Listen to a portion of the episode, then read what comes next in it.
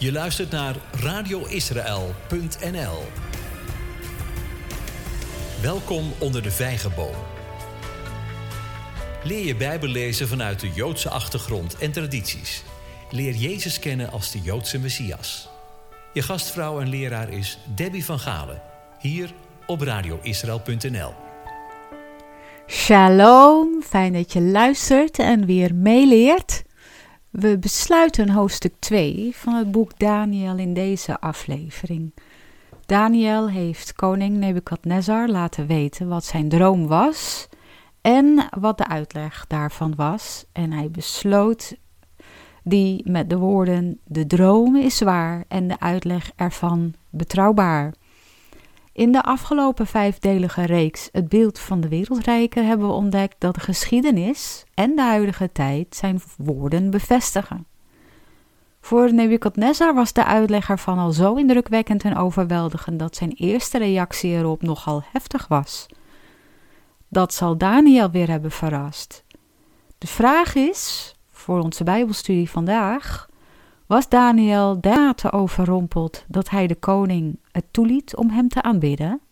En daarvoor vloeit voor ons de vraag uit voort: wat wil het woord van God ons leren nu? We duiken er meteen in en we beginnen waar we gestopt zijn. We lezen Daniel hoofdstuk 2, vers 46 tot 49. Daniel 2, vers 46 tot 49. Daarna gaan we vers voor vers de kwestie in de context van de denkbeelden in onder andere die periode bestuderen. Aan het einde van deze aflevering zul je dit gedeelte met nieuwe ogen lezen. Lezen we dus Daniel 2, 46 tot 49. Toen wierp koning Nebukadnezar zich met het gezicht ter aarde en hij aanbad Daniel. En hij beval dat men hem een offergave en aangenaam reukwerk zou brengen. De koning antwoordde Daniel en zei: Waarlijk, uw God is de God der goden en de Heere der koningen. Hij openbaart verborgenheden, zodat u deze verborgenheid kan, kan openbaren. Toen bevorderde de koning Daniel. Hij gaf hem vele grote geschenken en stelde hem aan als heerser over heel het gewest Babel en als hoofd van alle machthebbers over alle wijzen van Babel. Omdat Daniel de koning daarom verzocht, stelde hij Sadrach, Mesach en Abednego aan over het bestuur van het gewest Babel. Daniel bleef echter in de poort van de koning. Ik heb deze aflevering dan ook genoemd God der goden en Heere der koningen. Laten we ons nu gaan storten op het eerste vers. Daniel 2 vers 46. Toen wierp koning Nebukadnezar zich met het gezicht ter aarde, zo staat het er, en hij aanbad Daniel en hij beval dat men hem een offergave en aangenaam reukwerk zou brengen. Die eerste zin, toen wierp koning Nebukadnezar zich met gezicht ter aarde en hij aanbad Daniel, is duidelijk de eerste reactie van de koning, niet van Daniel. Het was niet op Daniels aanwijzing dat de koning zo reageerde. En waar onze vertaling zegt en hij aanbad Daniel, staat letterlijk: Hij wierp zich ter aarde voor Daniel. Hij lag dus plat op de grond, met zijn gezicht naar de grond gericht, zoals dat alleen wordt gedaan als uiting van hoogste verering van een oppergod. Als je daarover nadenkt, moet dit wel een hele vreemde gewaarwording zijn geweest voor Daniel en weinige andere aanwezigen. De machtigste man ter wereld van dat moment vernedert zich totaal als uiting van aanbidding voor wie? Een jonge man van zijn eigen leeftijd, van een vreemd volk, die in opdracht van hemzelf in gevangenis leeft aan zijn hof? Waarom reageert Nebukadnezar zo extreem ten aanzien van Daniel? Daar komen we straks op terug. Deze situatie brengt ons wel terug naar een vergelijkbare, namelijk Jozef aan het hof van de farao. Wellicht ging dat ook door uw hoofd heen daarnet. In Genesis 41, Genesis 41, lezen we over de dromen die de farao in één nacht kreeg. De droom van de zeven vette en zeven magere koeien, gevolgd door de droom van de zeven volle aren en de zeven dunne aren. Niemand in het hele Egyptische Rijk, dat wil zeggen geen van de wijze mannen en tovenaars, was in staat uitleg te geven. Door de bekentenis van de schenker werd Jozef uit de gevangenis gehaald en voor de farao gebracht. Jozef hoorde de farao aan en was in staat om uitleg te geven van de dromen en daarbij ook wijze levensreddende raad. Hij maakte het de farao tot vier keer toe heel duidelijk van wie die dromen afkomstig waren en de reden. Ze kwamen van God om de farao de kans te geven de wereld redding te bieden. Uitkomst. De farao's reactie was ook opzienbarend als je daar even stil bij staat. Hij verhoogde een Hebreeuwse tot voor kort ongeschoren en dus onreine slaaf, die gevangen zat op beschuldiging van een zwaar zedendelict, waarbij het vermeende slachtoffer de vrouw was van een zeer hooggeplaatste figuur aan het hof van de farao. En verhoogde hem tot onderkoning. De farao gaf hiermee tenminste twee dingen te, kennen. In de eerste plaats was er blijkbaar een hogere God dan hij zelf, die hij niet moest negeren. En ten tweede, die God toonde zich genadig voor, door hem, een heidense koning, van tevoren dit onheil aan te kondigen en de oplossing erbij te geven. Jozefs nieuwe toegekende status als onderkoning was in de ogen van de Egyptenaren en de rest van de heidense wereld gelijk aan de status van een god in de godenwereld. Een aardse afspiegeling van de rangschikking onder de goden in de onzichtbare hogere sferen. Dat was de denkbeelden, waren de denkbeelden die men toen had. De farao ging er daarmee kennelijk vanuit dat hij zo de God die Jozef vertegenwoordigde, zijn dankbaarheid en eer had getoond, zonder de God die hij als farao op aarde vertegenwoordigde te ontstemmen. Hoe kwam de farao erbij om te geloven dat hij God op aarde was? En hoe verhoudt zich dat tot koning Nebukadnezar? Als u al een beetje zit te denken in de richting van Nimrod, dan heeft u groot gelijk. Al vanaf de tijd van Nimrod, die onder andere de stad Babel stichtte, en dat lezen we in Genesis 10, vers 8 tot 12. Genesis 10, vers 8 tot 12.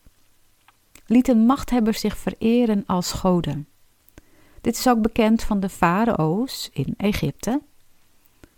Egypte is in het Hebreeuws, dat zult u waarschijnlijk wel weten, Mitzrayim.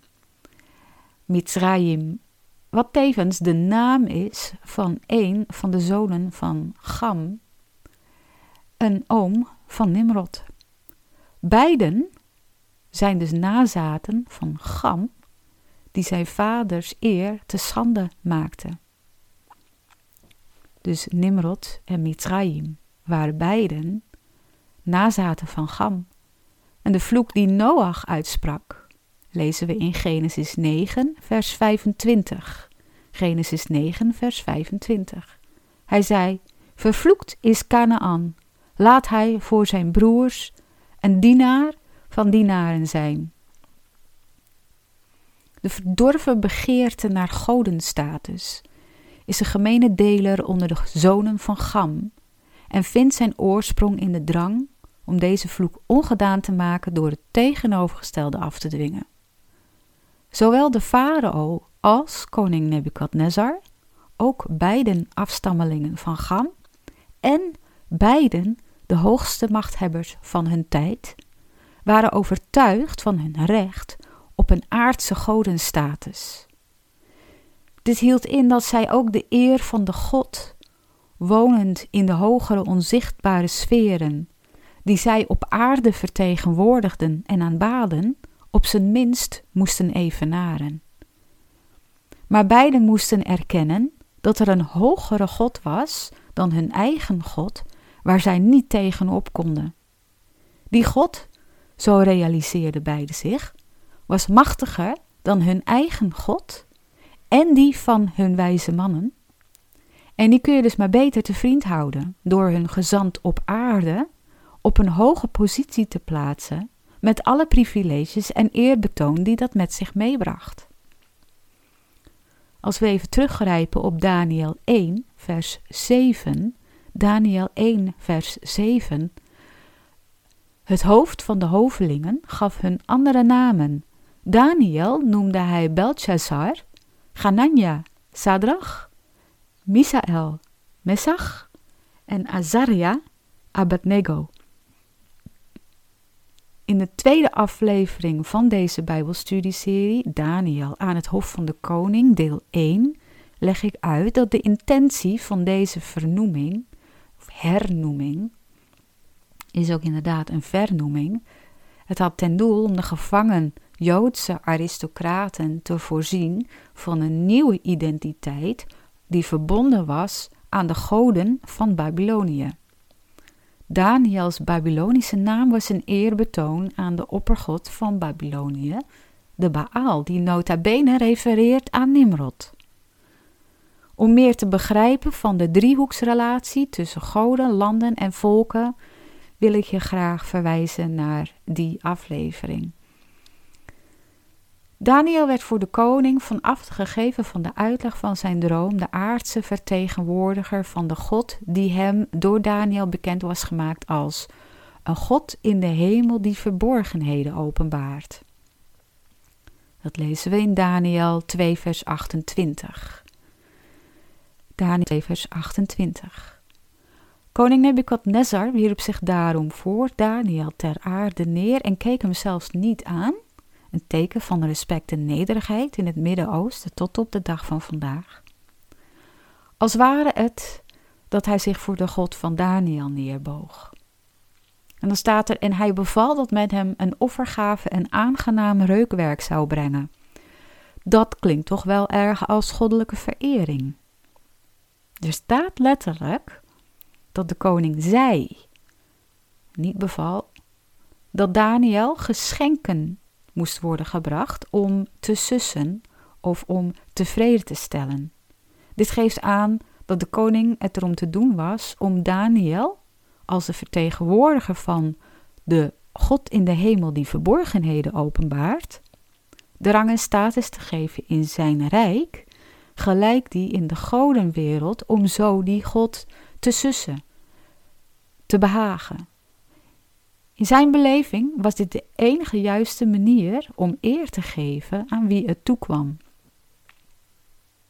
In de Joodse traditie bestaat er geen eenduidige consensus over de vorm van geschenken die de koning in gedachten had. Offergaven en aangenaam reukwerk zijn vertalingen die een poging doen om de ware interpretatie van de woorden te geven maar geschenken zijn niet per se offergaven en het woord reukwerk is niet een gegeven. De vertalers pogen aan te geven dat de verering die Nebukadnezar tentoonstelde in de context van die tijd wel bedoeld was als goddelijke verering, maar voor de diepere interpretatie heb je duidelijk meer woorden nodig. Gelukkig staat die inmiddels ook tot de beschikking voor degenen die daar tijd aan willen besteden, zoals u en ik dus. Er staat ook niet letterlijk wat Daniels reactie op deze actie van de koning was, maar uit het volgende vers maken we wel een en ander op. Vers 47. 47. De koning antwoordde Daniel en zei: Waarlijk, uw God is de God der goden en de Heere der koningen. Hij openbaart verborgenheden, zodat u deze verborgenheid kon openbaren. Niet Daniel, maar zijn God wordt door de koning erkend als God der goden en Heer der koningen die verborgenheden openbaart. Het stond voor de koning onomstotelijk vast dat Daniel in direct contact stond met deze God en dat hij de waarheid had gesproken, uitnaam van die God, dat wil zeggen met de autoriteit die zijn God hem had gegeven. Dat idee van spreken en acteren namens zijn God was al zeer lang een uh, geaccepteerd gegeven, ook onder de nakomelingen van de aartsvaders. Abraham, Isaac en Jacob. We zien het bijvoorbeeld duidelijk terug in Exodus 3, waar Mozes aandacht in de wildernis bij de berg Horeb wordt getrokken door de brandende braamstruik. In Exodus 3, vers 4 tot 6, Exodus 3, vers 4 tot 6 lezen we. Toen de Heer zag dat hij ging kijken, riep God tot hem uit het midden van de doornstruik en zei: Mozes, Mozes. Hij zei: Zie, hier ben ik. En hij zei: Kom hier niet dichterbij. Doe uw schoenen van uw voeten, want de plaats waarop u staat is heilige grond. Hij zei verder: Ik ben de God van uw vader, de God van Abraham, de God van Isaac en de God van Jacob. En Mozes bedekte zijn gezicht, want hij was bevreesd God aan te kijken.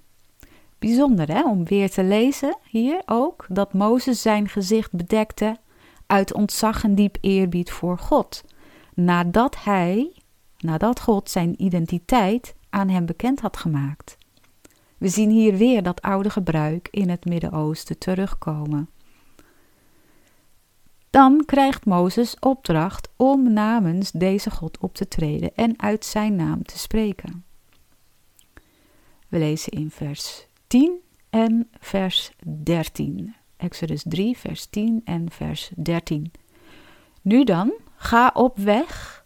Ik zal u naar de farao zenden. En u zult mijn volk, de Israëlieten, uit Egypte leiden.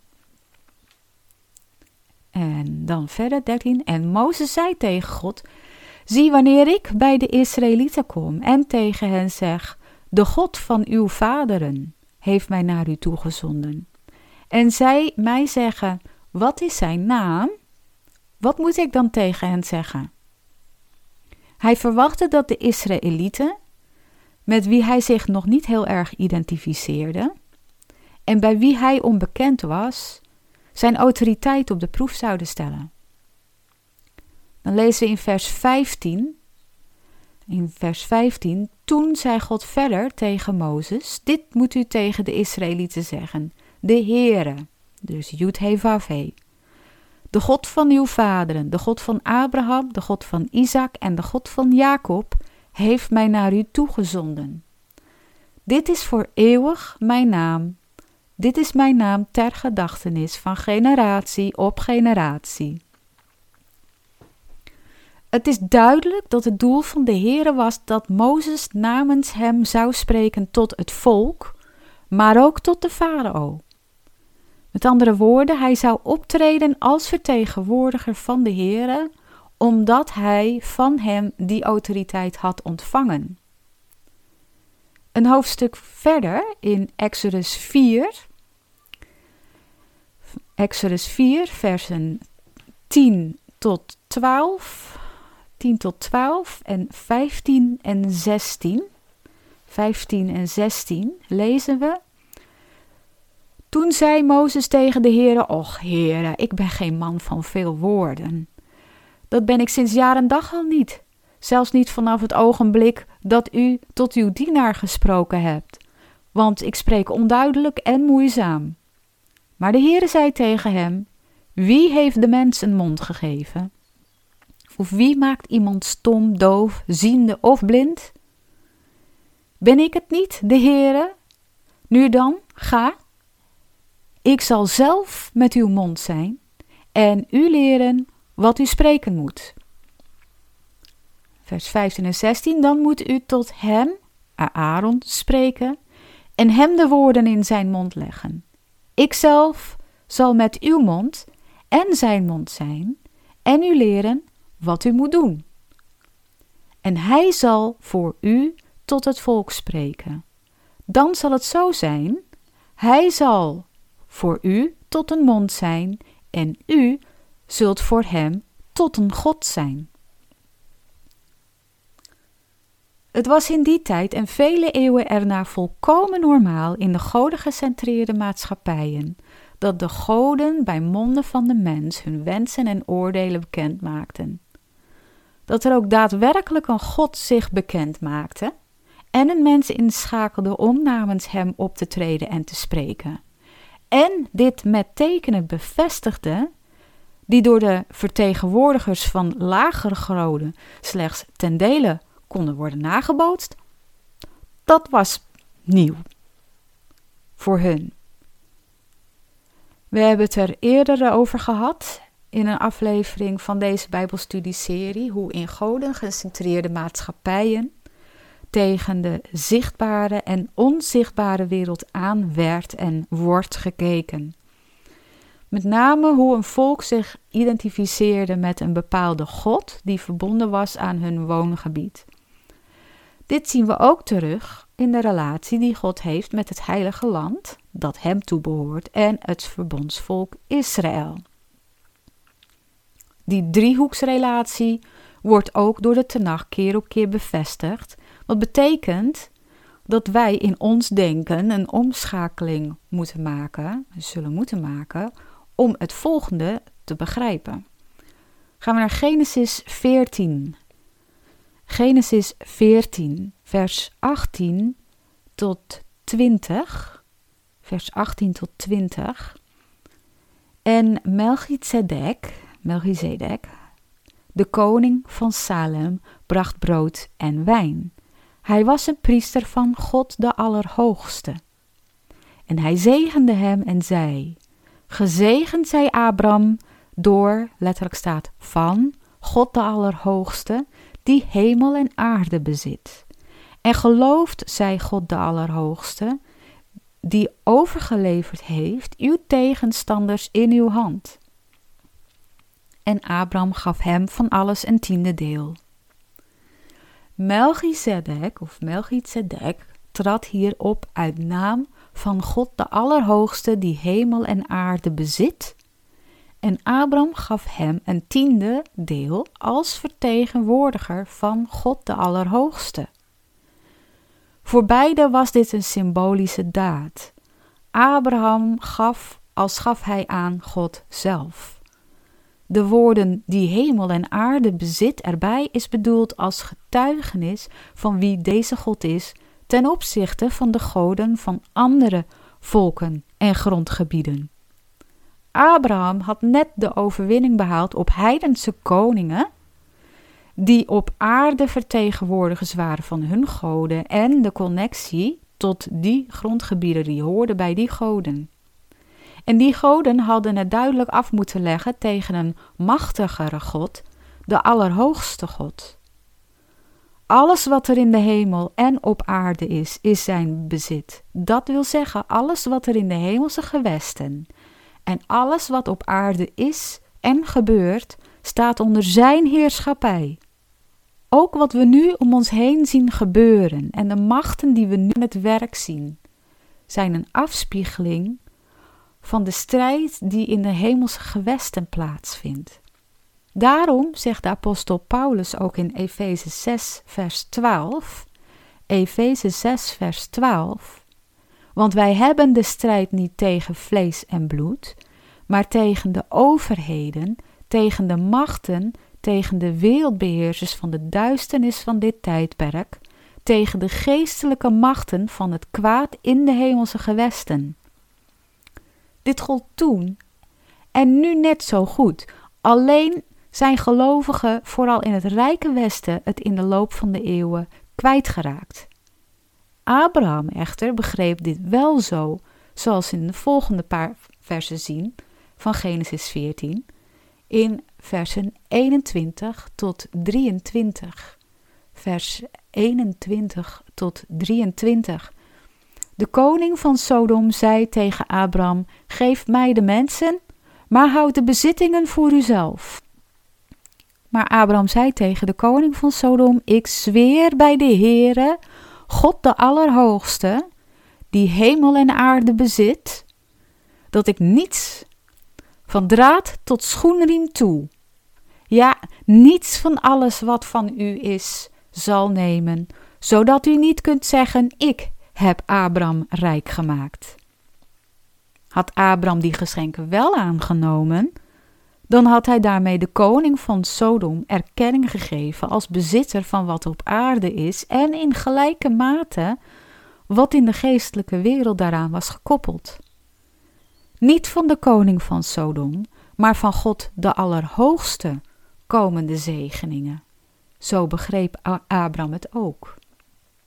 In navolging daarvan lezen we Mozes' onderwijzing aan het volk in Deuteronomium 10, vers 17. Deuteronomium 10, vers 17. Want de Heere, uw God, is de God der goden en de Heere der heren, die grote, machtige en ontzagwekkende God, die niet partijdig is en geen geschenk in ontvangst neemt. Want alles komt hem al toe.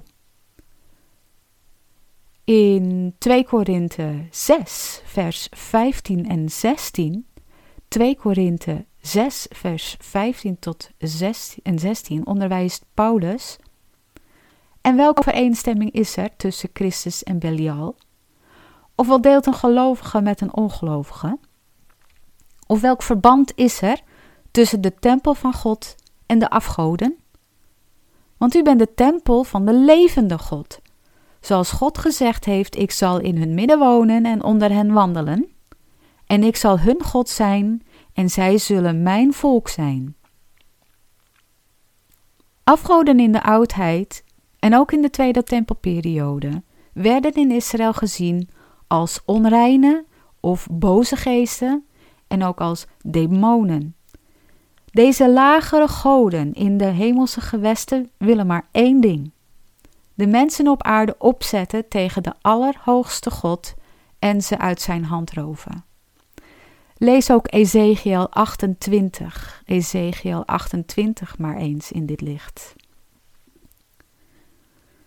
De Bijbel ontkent het bestaan van andere goden niet, maar identificeert ze voor wie en wat ze zijn en maakt duidelijk dat zij onderworpen zijn aan Gods heerschappij.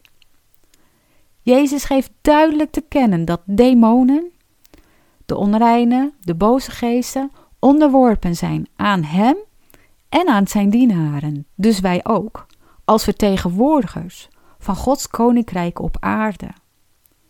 In Marcus 16, vers 15 en 17, Marcus 16, vers 15 en 17 staat: En hij zei tegen hen: Ga heen in heel de wereld, predik het evangelie aan alle schepselen.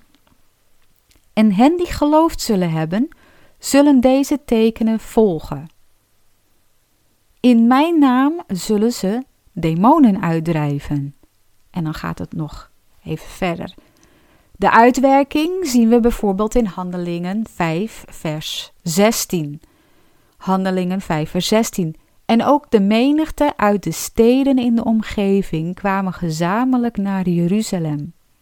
Men bracht zieken en hen die door onreine geesten gekweld werden, en zij werden allen genezen.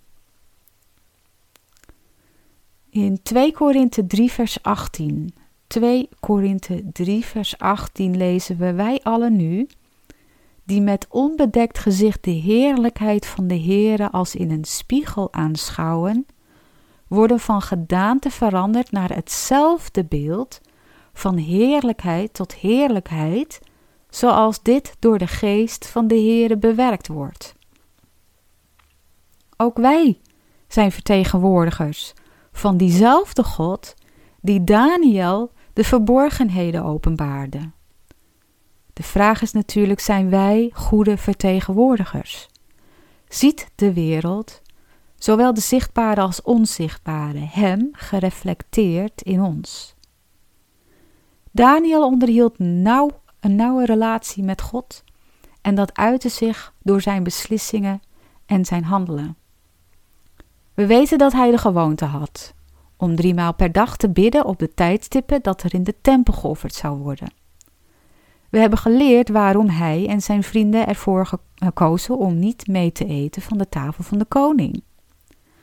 En ook hebben wij zijn hartsgesteldheid ontdekt om in een levensbedreigende situatie niet alleen voor hemzelf en zijn vrienden, maar ook de ongelovigen, om die situatie om te buigen door God te bidden voor openbaring. De uitleg van de droom is daar het resultaat van. Daniel reflecteerde, vertegenwoordigde zijn God. En zo is het ook aan ons vandaag om ons daar heel bewust van te zijn. Er wordt op ons gelet. En laten we daarom onze God, de Heer, onze Vader en Verlosser, en zijn koninkrijk zo goed mogelijk op aarde vertegenwoordigen en laat zijn geest dit dan ook in ons uitwerken. Niet in onze eigen kracht staan, zoals de wereld ons steeds aanraadt, maar in zijn kracht staan. Jezus zegt in Matthäus 5, vers 16: Matthäus 5, vers 16: Laat uw licht zo schijnen voor de mensen, dat zij uw goede werken zien en uw Vader, die in de hemelen is, verheerlijken. Goed, laten we verder gaan met Daniel 2, vers 48 en 49. 48 en 49. Dan zien we dat Daniel van koning Nebukadnezar geschenken krijgt en wordt aangesteld over de wijze van het land. Hoe verhoudt zich dat dan tot de Torah? Zondigde Daniel hier door de geschenken aan te nemen en zich te laten verhogen?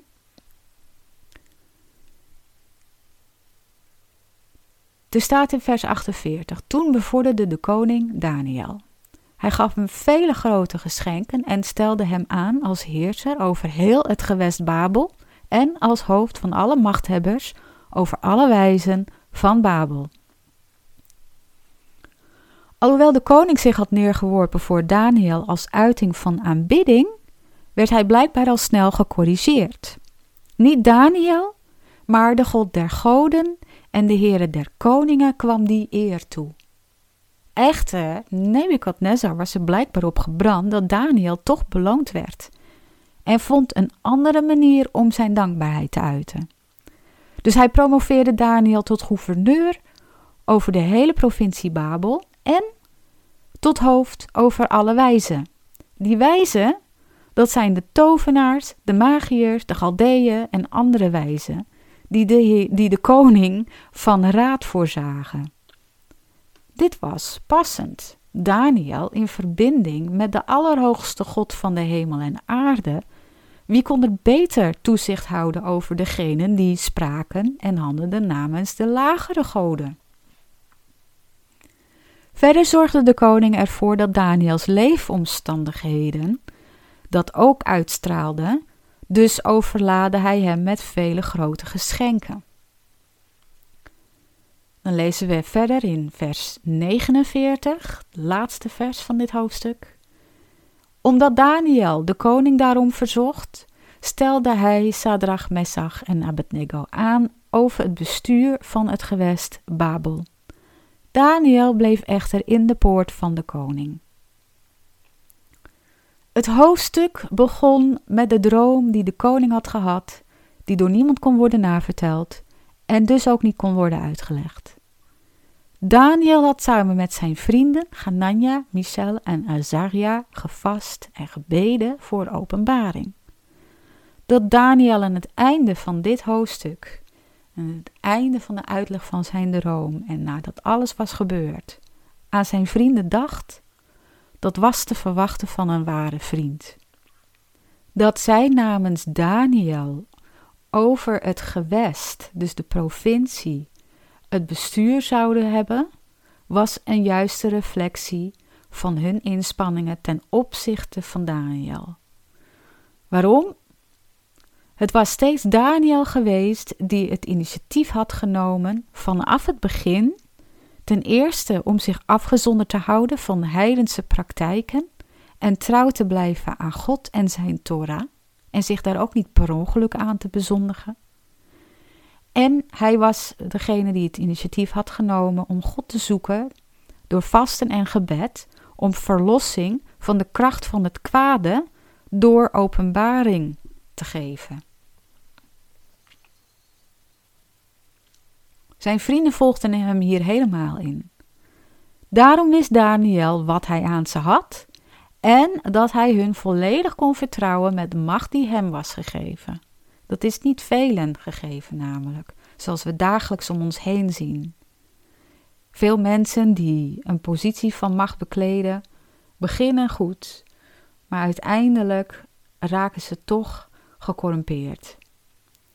Daniel beperkte zich tot het juridische deel van zijn positie en hij zorgde dat er recht en gerechtigheid heerste aan het hof van de koning. Dat is ook een, uh, wat wordt bedoeld met in de poort van de koning zitten. Dit bleef hij doen tijdens de hele regeringsperiode van de koning, zoals we verderop in het boek zullen ontdekken. Hoofdstuk 3 zoomt in op de drie vrienden in relatie tot God en tot de koning, waar we ons in de volgende afleveringen op zullen gaan richten. Hiermee zijn we aan het einde gekomen van deze aflevering en ook van hoofdstuk 2. Ik hoop en bid dat u bent gezegend, versterkt en opgebouwd hierdoor. Dank u ook voor de reacties die ik tot nu toe van u heb mogen ontvangen. Ik waardeer ze zeer. Ik zie er ook naar uit om de volgende keer samen met u de diepere lagen in hoofdstuk 3 te ontdekken en de lessen die we daaruit zullen kunnen trekken. Wilt u reageren op deze uitzending of eerdere?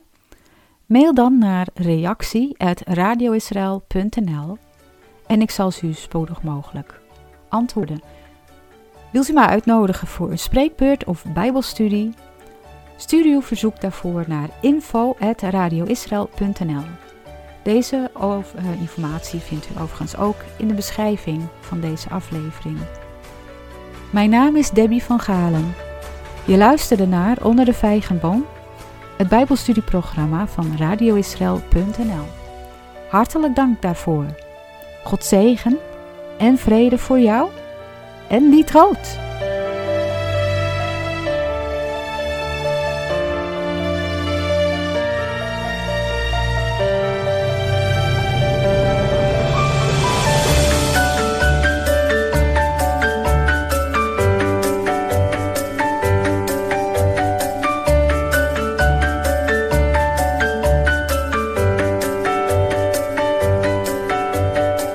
Luistert naar radioisrael.nl